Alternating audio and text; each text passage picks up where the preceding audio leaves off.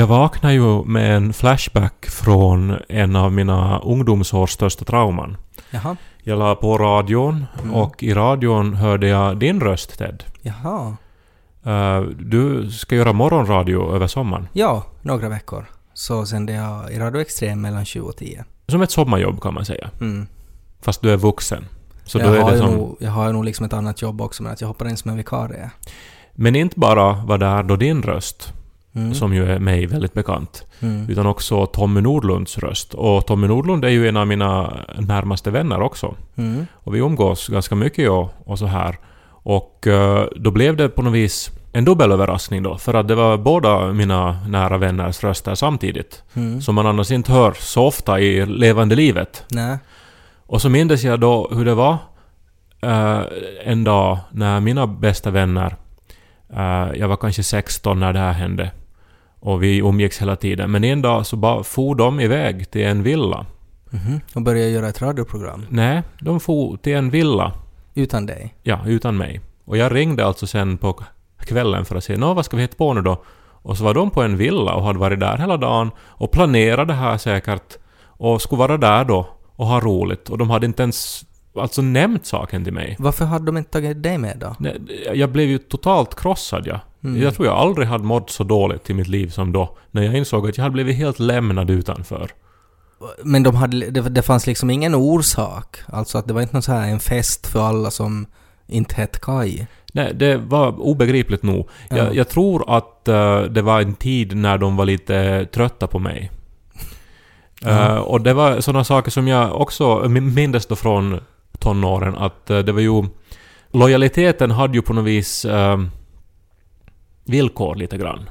Mm. Att vissa hamnade lite utanför, vissa, vissa var mer populära, vissa var, var liksom sådana som man gärna hängde med ibland om man ville få ut någonting av det. Men Andra vissa var så här B-kamrater. Ja, andra var sådana som man helt enkelt bara ja, Mm. älskade förbehållslöst och var med hela tiden. Mm. Eh, Jag var väl inte en sån då för de här vännerna. Nej.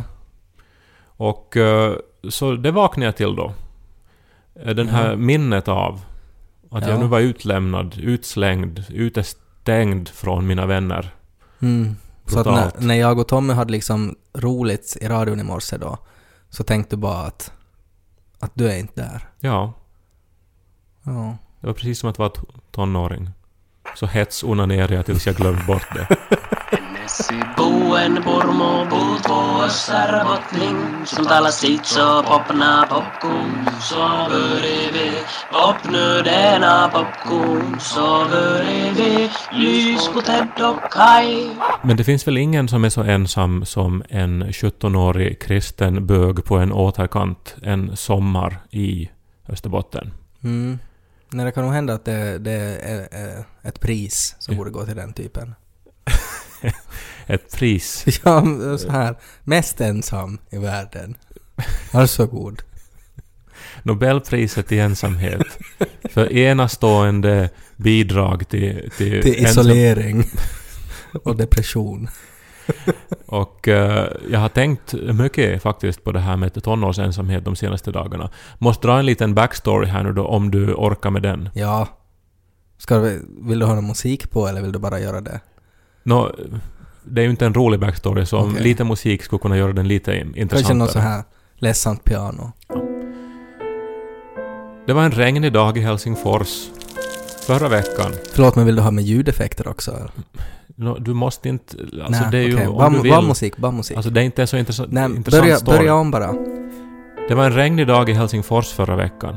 Jag skulle fara till mitt arbetsrum, dit jag ofta cyklar. Den här dagen var det så pass mycket regn att jag packade min dator i en vattentät ryggsäck, tog på mig min regnrock och cyklade iväg. Kom fram till mitt arbetsrum, packade ut datorn ur väskan och upptäckte att den var fuktig. Förlåt att jag avbryter dig. Men sa du inte att det här skulle vara en ledsam story? Ja, alltså... men du, du säger det väl... För, för det första är det här inte en så viktig story, så det var därför vi satt på musik här, så att det skulle bli lite mer... Jo, men om jag sätter på sådär ledsen musik så kan du ju inte säga det glatt. Du, du, det, det låter väldigt så här trevligt. Okej, berättar. nå men eh, nästa del av historien är sorgligare. Okej. Och så märkte jag att datorn var fuktig. Det rann vatten från dess silverne kanter. Jag öppnade skärmen, suckade av lättnad då jag märkte att den ändå funkade. Men så plötsligt flimrade skärmen till och slocknade. Min dator gick alltså sönder. Mm. Min dator, mitt, arbetsredskap, mitt dagliga arbetsredskap som jag använder till mitt, för att skriva eh, allt, allt vad jag gör, gör jag på den här datorn. Plus att där finns foton, där finns brev, där finns eh, information som är viktig. Hade du den faktiskt i en vattensäker väska? Ja. Eller satte du till det bara så att den skulle framstå, liksom, att den skulle komma fram hur du har klåpat? Jag måste ju då lämna in den på reparation och eh, de då gjorde en diagnos, en dyr diagnos kan man väl sätta in här. Det är dyrare att diagnostisera sin dator än att få till läkaren i Finland. Ja. Eh, och uh, kon konstatera att den är fucked. Så stod det. Det går inte att reparera. ja. Och ehm, just nu så undersöker vi då, kommer man att kunna rädda mina filer? Mm. Så det är ju jobbigt nu. Men det viktigaste har du ju sparat på backup, visst? Ända fram tills min sista backup som jag gjorde i december 2015. Varför slutade du där Jag då? vet inte, jag kan inte förklara det här Var det en så sätt. dålig julafton så det var sådär att det här tänker jag inte göra backups något mer. Bara dåliga foton. Det var oansvarigt av mig och jag kommer förstås att bättra mig om jag nu då bara får en chans till Mm. och få tillbaks mina filer och Mm. en ny dator.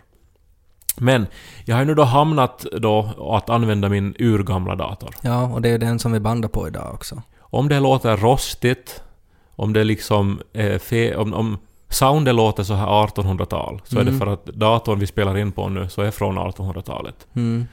Och eh, nu kommer vi då fram till, e- efter den här långa utläggningen då, Ja, till det faktum att jag nu då har suttit i en vecka och läst gamla Kais eh, dokument som finns sparade på den här datorn.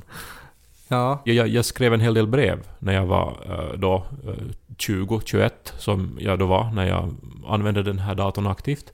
Och eh, de finns sparade här eh, och eh, noveller som jag hade glömt bort. En halv roman, 100 sidor av en roman som jag har glömt att Hur jag kan man ha glömt bort hundra sidor? Nej, jag är helt oerhört överraskad över att den här det är ju finns. mycket jobb i det. Ja, och den är så dålig. Jag läst en del av den och, och folk beter sig jättemärkligt i den. De äter ananas hela tiden och, och har... Men kanske gjorde man det när du var 21. Ananasen hade just kommit till Finland. Men just de här breven är så fruktansvärda att läsa för att dels är det ju då en, en eh, kristen eh, skåpbög på en åkerkant som Mm. skriver dem. Sen är han också väldigt barnslig. Alltså uttrycken är helt... Jag tyckte det var helt fjärt att jag inte fick få med mina kompisar till villan. Ganska exakt, Halleluja! ganska exakt så står det. Tjäna Herren med glädje. Men så påminns man ju också om olika saker. Mm. Som till exempel att tobaken räddar mitt liv. Att tobaken räddar ditt liv. Ja. Det är ju motsatsen till vad tobaken brukar göra. ja, jag är medveten om att det här nu är kontroversiellt Ja. i en svenska yllepodd. Jag skulle säga kanske att det var något, något så här att de höll på med något sprängningsarbete. Och så var det mitt i allt att nu har vi, nu, nu har vi inte några tändstickor att tända stubinen med. Om inte vi får sprängt det här nu som vi ska spränga så då brinner det där djursjukhuset upp. Och så stod du där och rökte och sa att vet du vad, vi kan tända eld på stubinen med min tobak. Det var inte alls så, utan... eh, Men jag beundrar din fantasi. Ja, Påminner jag, om den där romanen jag har skrivit som... sen kom en ananas och så räddade den ditt liv. Nej, men eh, för mig var det otänkbart som eh, barn att röka. Mm. eh, Och även som kristen tonåring. Vi lärde oss i skolan att kyssa en rökare är som att smaka på gammal bajs. Ja, den här propagandan var väldigt... eh, Det var, den var tydlig på den tiden. övertydlig nog. Mm, Och kanske lite överdriven. ja. Men eh, jag gick på den. Jag, jag var totalt mot allt du var som totalt okysst. Och to, det var jag också. Och Ja. totalt emot rökning. Mm. Eh, Men så en dag så började jag eh, jobba eh, på en grill i Jakobstad och Mm. så där hände det då och då att folk rökte och så drogs jag med i det hela och började ta en cigarett då och då. Jag skulle nästan säga att det här att det att du började röka, det, det kom ju som en stor överraskning för mig. Att du började. Mm. Och, och, och det gick emot liksom allt vad du var. Och jag skulle säga att det var kanske den första liksom sprickan i den här din kristna fasad. Nå, det är ju dit jag är på väg. Okej. För uh, rökandet ledde ju mig till platser jag inte hade varit på tidigare. Mm. Rökrutor. Affärer där de säljer tobak. till sällskap där det röktes. För att Mm. eh, när man står och röker så, så är det ju de här rökarna som samlas. Och de är inte kristna. Eh, Inte alla. Nu fanns det kristna rökare, men väldigt få. Mm. Och det här... Via de, de här Det skulle kunna finnas en influenserna... kristen tobak formad som ett kors. Så att det liksom är mindre tobak som är på tvären på den. Men vad händer när det kommer till de här själva armarna på korset då? Man ska aldrig röka så mycket. Då piper det till. Och- Ja, och eh, sen började vi jobba på Radio Extrem. Folk rökte. Alla rökte där. Och vi satt och diskuterade i rökrutorna och på Mm. rökpauserna. Och eh, via dessa samtal och, influenser så kom jag ju bort från den här eh, psykosen som ju var den kristna tron i min Mm. uppväxt alltså. Intressant. Och eh, det i efterhand, och jag har inte tänkt på det innan jag läser de här breven, där jag behandlar min eh, lite tveksamma inställning till att ha börjat röka. Mm. Eh, så först då så insåg jag hur viktigt det var Men vad var det röka. som fick dig att ta första steget då? Att börja röka? Ja. Det var Vivan Sund från Pormo som bjöd mig på min första gröna Barclay. Och du bara sa bara ett kristet ja tack då? Nå, jag var så slut så jag tänkte nu, nu, nu ska jag röka. Det har jag aldrig Mm. gjort förr. Nu ska jag röka. Mm. Och så, och så började då en, en, ett mångårigt beroende. Men hade du haft liksom tvivel eh, eventuellt mot den här psykosen du befann dig i innan?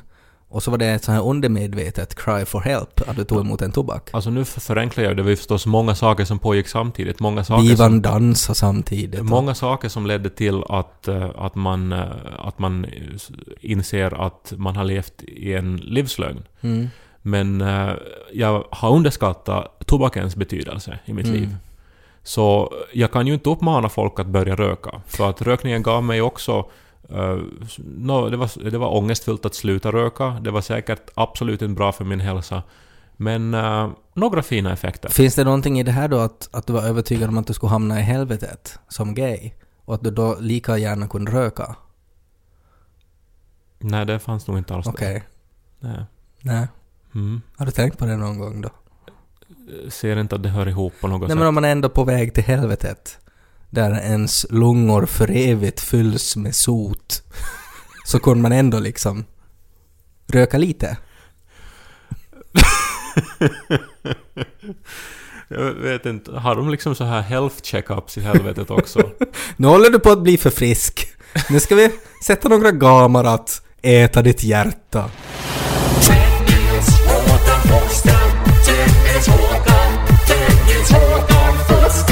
Tror du att Vivan någon gång har tänkt på det här då? Att hon liksom, jag menar att om hon inte skulle ha haft tobak då, att om hon skulle ha rökt upp all tobak som fanns, eh, så skulle du inte sitta här idag, eh, vara förlovad med en man, göra podd med mig, utan du skulle vara någonstans i östra Finland på någon så här, Suviseurat. ja till exempel. Eller Ja. du skulle stå och demonstrera mot, mot någonting.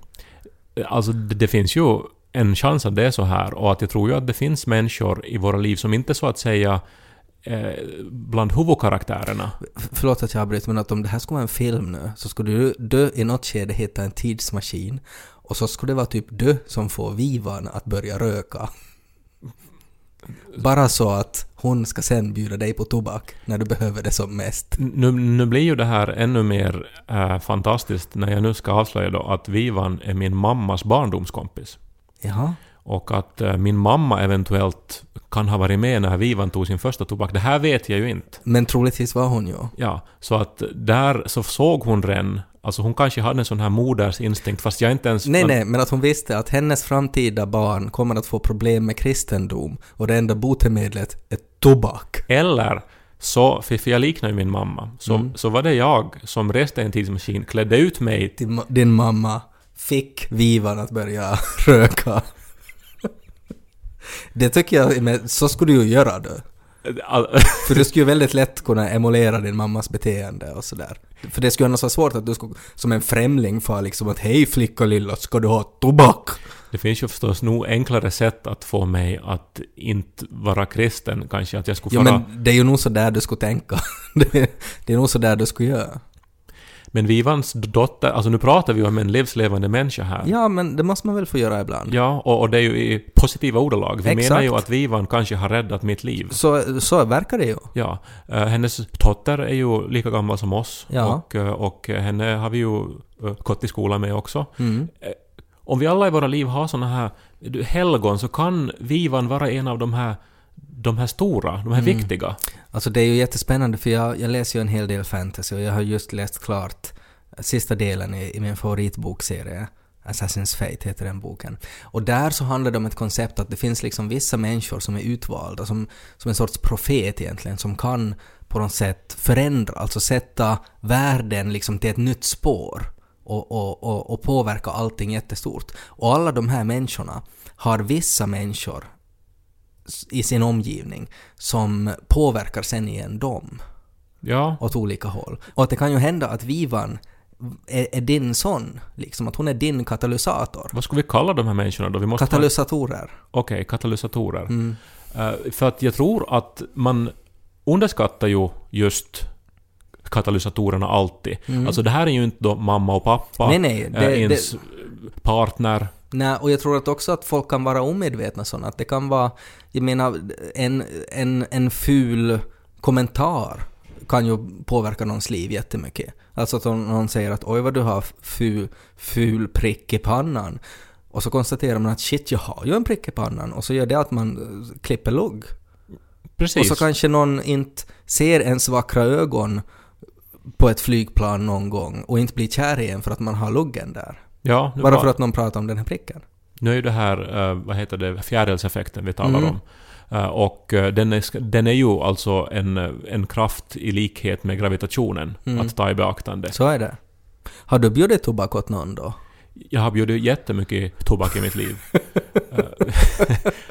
Alltså det är ju det, och när du har ju bjudit röker, åt mig också jag har ju försökt börja röka men det, det går ju inte. så jag var kanske inte din katalysator. då. Nej, och jag hade ju alltså, jag minns ju i gymnasiet när jag skulle komma ut med dig och röka och att jag gjorde liksom ansträngde mig att nej men vad om jag skulle börja röka? Men det, det liksom, det funkar inte. Jag minns också att eh, när vi skulle göra eh, en scenshow sen där du skulle röka en sån här fake-cigarett Mm. Så eh, där så hade du ett väldigt speciellt sätt att röka som påminner mig om hur du såg ut i gymnasiet. Att du dels håller i då tobaken liksom med tummen och pekfingret. så här lite som en fransman som röker en joint på en jazzklubb. Eh, och sen så förde du inte cigaretten till munnen, utan du förde ditt huvud och munnen mot cigaretten. Ja men det där är ju inte sant. Och det där gjorde jag ju vid varje föreställning och ingen anmärkte det där. Det var Mm. bara du som gjorde Ja, men det. orsaken är för att det var föreställningens början och sen översköljdes man med intryck som gjorde att man glömde den där, den där penibla situationen. Nej. När du står ensam på en scen och för dina läppar kanske eh, 30 centimeter Men tror du inte, jag menar vi att hade, ju, vi hade ju registöd i den där föreställningen. Tror du inte att regissören skulle på något sätt ha påverkat det här och att det ser otroligt otrovärdigt ut när röker? Regissören var från västra Nyland, hon trodde säkert det var en österbottnisk grej att röka sådär konstigt. I Österbotten röker alla som fransmän. Men jag är jag är, glad, alltså jag vet inte om jag borde ringa upp Vivan och tacka. Mm. Det kan du försöka. Tacka henne för att hon satte ditt liv i en ny kurs egentligen. Du var i ett fartyg som var på väg till Bermudatriangeln och man vet aldrig vart du skulle hamna men istället så liksom satt hon in dig i Golfströmmen som ledde dig raka vägen hit.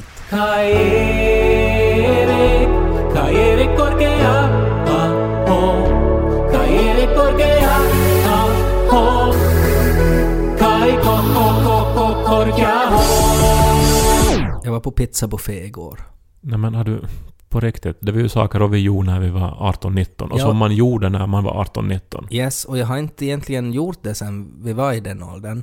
Jag har ju lärt mig av Ted Forsström hur man bäst äh, fraktar hem pizza från en pizzabuffé. Ja, Via plastkärl gömda i Ja, tygkassar. då är, det, då är det liksom så här extremt att studiestödet är slut och man faktiskt måste ta till alla knep. Man kan också göra det så här lite mer lössläppt och bara helt enkelt tromma in det i pappersmuggen som man får där och sätta det i fickan. Du blev förlägen när jag sa det här nu. Nej, inte skulle jag säga det inte. Vi åt ju pizza sen hela helgen efteråt. Jo, så var det. Ja, för priset av en. Stulen pizza är den godaste. Alltså det är bättre. Fast det är, är det stulet för att man får ju verkligen ta hur mycket man vill. Så är det. Men, eh, men nu har de ju börjat med en sån här take away-tjänst också, att man köper en låda av dem som man sätter i. Men jag var ju före med den här idén. Alltså att man får tromma lådan så full som Först möjligt. får och sen får man hem, ja. Påminner mig om de här TV-programmen som hade den här vinsten att man under två minuter fick få in i ett varuhus Mm. och eh, ta med sig så mycket man kunde bära. Det är ju lite så med det där. Eh, Fast det här, så här spontant bara så tänker jag att man skulle kunna göra som när den här pojken lurar jätten i den här gröttävlingen. Kommer du ihåg den sagan? Mm, Nej, jag vet inte. Det var en pojke eh, som eh, for någonstans till en jätte. Det var inte liksom, det fanns ju jättar på den tiden. Och så skulle jätten tävla för att, eller det var väl så att jätten var sådär att nu ska jag äta upp dig och så var pojken nej det ska du inte, vi ska tävla. Och så sa jätten ja, vi ska tävla, för han var väldigt lätt påverkad. Och så sa pojken att han är mycket starkare än jätten. Att si, jag kan krama en sten så det rinner vatten ur den. Och så höll han egentligen i en bit ost så det rann liksom sav ur osten. Och jätten höll i en sten och tryckte allt vad han kunde men det kom inte någon vätska. Och sen så skulle de äta gröt. Och då så satt pojken sin väska eh, på sin mage och så satt han väskan under liksom gröttallriken och så åt han och, och, och så satt han i, i den här väskan också. Så sa jätten att men alltså vad håller du på med? Varför gör du sådär?” Och så sa pojken att Nå, ser du, för att kunna äta riktigt mycket gröt så måste man skära upp sin mage. Så att man kan liksom hälla dit och hälla ut och så Det här är så typiskt sagor. Och så gjorde ju jätten det då, Ja, att han då- skar upp sin mage och så dog ju jätten Att då blir det till en sån här skräckhistoria. Ja. Liksom den här pojken lurar en äldre man att, Mm. att begå harakiri. Det som jag tänkt på är ju det här problemet med att alla de här jättarna som dog i sagor. Alltså tänk vilket problem när de har en kropp som är liksom 30 meter som håller på och förruttnar. Alltså vilken stank det måste vara i det kungariket. Men det är som när en val sköljs upp på ja, land. men jag menar inte hade de ju TNT på den tiden så inte kan de ju få liksom spränga jetliket. Men det var en liten parentes. Uh, pizzabuffé. Just det. Jag var, orsaken varför jag har börjat få på pizzabuffé igen är ju för att Lo tycker om mat. Och då är det så jättelätt att fara till pizzabuffé för han får äta gratis. Och Det då, här är ju såna här portförklaringar nu för att Nej, du... du, nu ska jag förklara. Grejen med pizzabuffé är ju det att de har ju en mycket, mycket utsmyckad salladsbuffé som innehåller precis allt som Lo tycker om. Grönsaker, ananas, köttbullar, ägg och allting är färdigt i så här små bitar så det är bara liksom att skopa dit en tallrik åt honom och så äter man själv lite pizza. Men det finns ju... Alla lunchbufféer har ju ofta sallad. Eh, så man kan fara på en helt normal lunchbuffé. Man måste inte fara till det här flottigaste pizzastället. Men fair enough. Ja. Är, det, är det andra fördelar också? Nej, nå, det som jag skulle komma till egentligen, varför jag pratar om det här är att vi var på pizzabuffén nu i helgen. Och det var det värsta jag någonsin har varit med om. Jag fick nästan inga pizzor. Mhm. Vet du varför jag inte fick några pizzor? För det var ju det här Eid al-Fitr, eller vad det heter. Ramadan tog slut. Så där var en Och massa... alla muslimer kom till pizzabuffén. För att äta så för att mycket äta de så mycket orkar. de orkar. Och på ett sätt var det väldigt kul. För att jag har aldrig firat att Ramadan har tagit slut tidigare. Och plötsligt var jag liksom där det hände, att jag var liksom där festen var. Alla var ju otroligt välklädda och fina och glada och, Och åt 17 år, jättemycket pizza. Vad sa du? De var också 17 år antar jag, alla muslimer där. Nej, nej, nej, nej, alltså det här var hela familjer liksom. Äldre människor också. Och det var på något sätt så fint tycker jag, för att också det här att, att när man pratar om så här mångkultur och sådär så är ju just islam får ju väldigt ofta ett så här dåligt rykte. Och det var på något så fint att de har anamma liksom att det blir inte något mer västerländskt tycker jag än att få på den billigaste pizzabuffén som finns när man är riktigt, riktigt hungrig. Ja, nu blandar du ju på forströmskt och västerländskt här nu.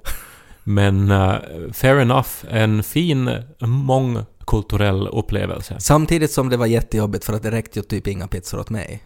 Jag har aldrig köat så där länge för en äcklig bit pizza. Men intressant. Men far aldrig till en restaurang när Ramadan tar slut. Ted och Kai. Det är ju Ted och Kai-podden avsnitt 88 med Kai Korkeaho och Ted Forsström. Hej och välkommen. En svenska yllepodd. Mm. Som idag har handlat ganska mycket om eh, vad man tyckt om för eller vad man tyckt för, vem man var förr.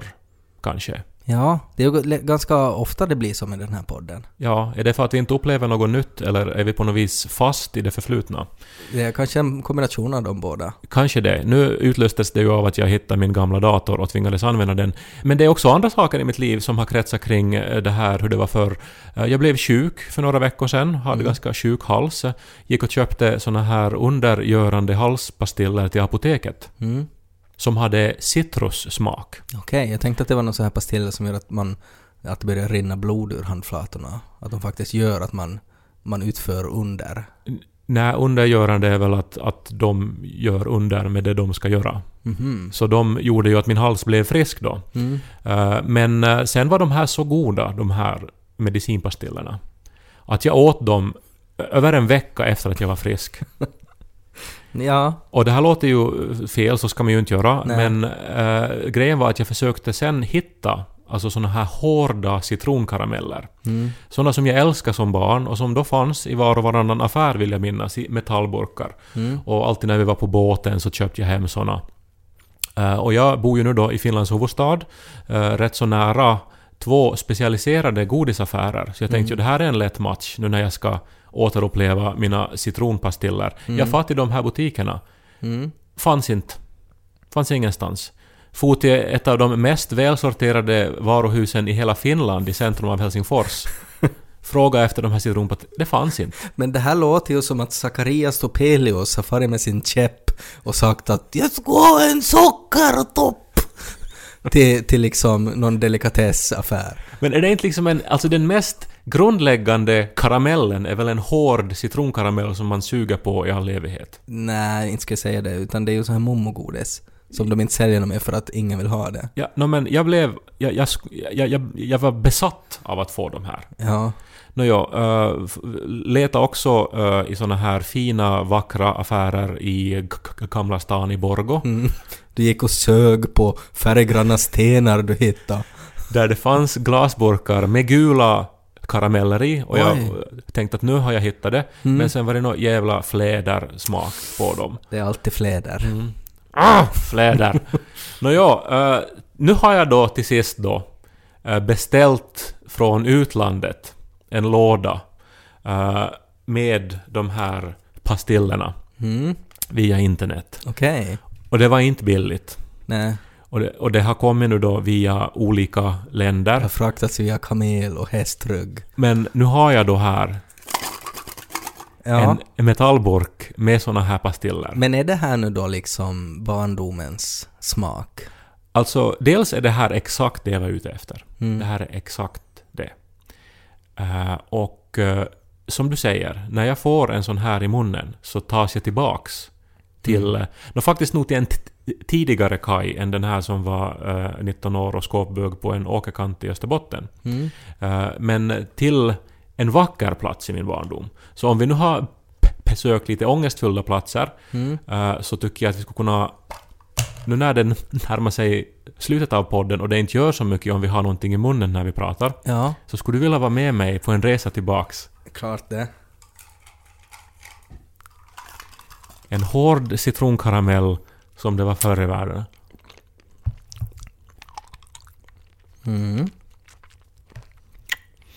Inte den är god inte alltså. Det är den här diskmedels citronsmaken. Nej, det, det är ju riktigt... eh, Som, alltså det, det, det står till och med här att det är som äkta citron. Att det är inte någon så här eh, kemiskt framställd citronsmak. Ja. Utan det, det är så starkt också. Men tycker du att det smakar lika mycket som du kommer ihåg? För, för det där tycker jag har blivit ett problem. Att ju äldre jag blir så tycker jag att saker och ting, det, det, liksom, det är inte lika gott som man kommer ihåg att det var. Att jag minns ju när mikropizzan kom och jag åt det.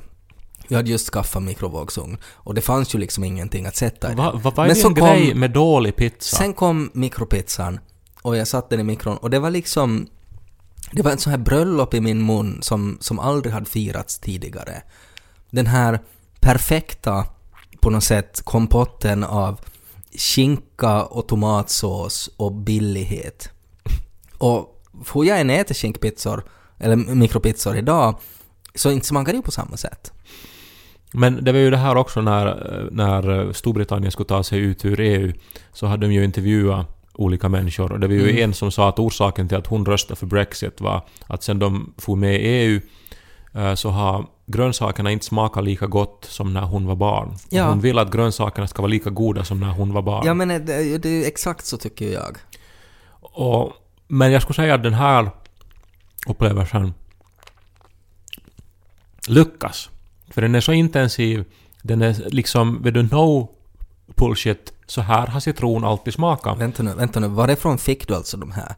Kan det vara så att den här samma framtidsresande Kai som klädde ut sig till din mamma och gav Vivan tobak som hon skulle ge dig, kan det vara så att den typen får före det tillbaks i tiden köpt riktigt mycket såna här citronpastiller för att han visste att du kommer att behöva de här sen i något skede. Och så startar han en hemsida där han säljer dem där. Och så har du köpt citronpastiller av dig själv. Och det innebär ju då att det här kommer att leda till någonting eh, livsavgörande inom kort. Mm. För att om du inte skulle ha fått den här citronen så då skulle du inte ha gjort följande sak.